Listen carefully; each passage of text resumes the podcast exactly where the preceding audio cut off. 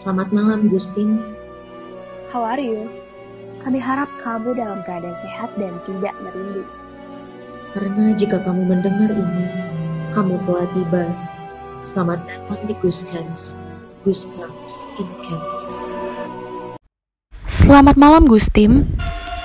Cerita kali ini akan mengudara bersama dengan gue selaku host Adela Fortunada.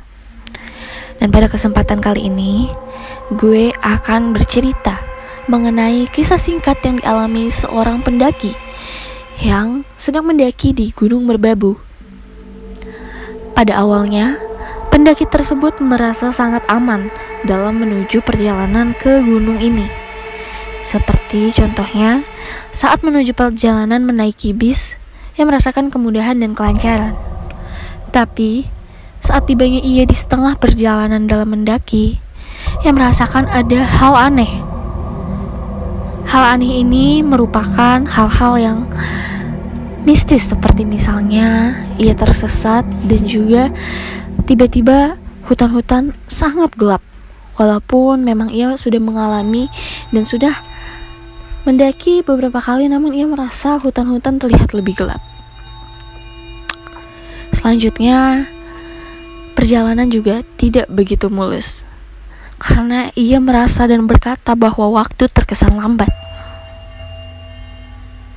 Dan juga, konfliknya ialah ia melihat bayangan putih yang ternyata perlahan-perlahan mendekati ke arahnya.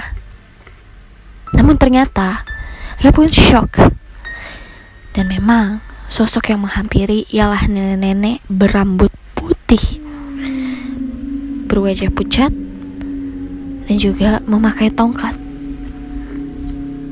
Nenek tersebut berkata bahwa kehidupan seyogyanya harus dilakukan dengan sebaik mungkin, dengan mementingkan tata krama dan tanggung jawab.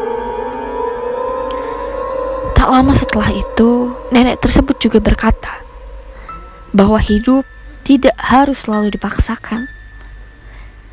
Tidak apa-apa beristirahat, tapi jangan pula lupa untuk bangkit. Setelahnya, nenek tersebut seperti menjauh, dan terakhir ia memesan bahwa jangan berperilaku aneh, terutama di lingkungan gunung ini, karena makhluk yang hidup bukan hanya si pendaki tersebut. Setelah itu, pendaki ini meneruskan perjalanannya sampai ke puncak. Dan perjalanan cukup lancar dan dia pun tidak mengalami hal mistis lainnya. Namun teman-teman Gustim, apakah kalian percaya? Apakah yang dilakukan nenek ini ialah sebagai utusan dalam memberikan pesan? Bagaimana Gustim? Semuanya tergantung pada kalian. Because what you think it exactly what you think it is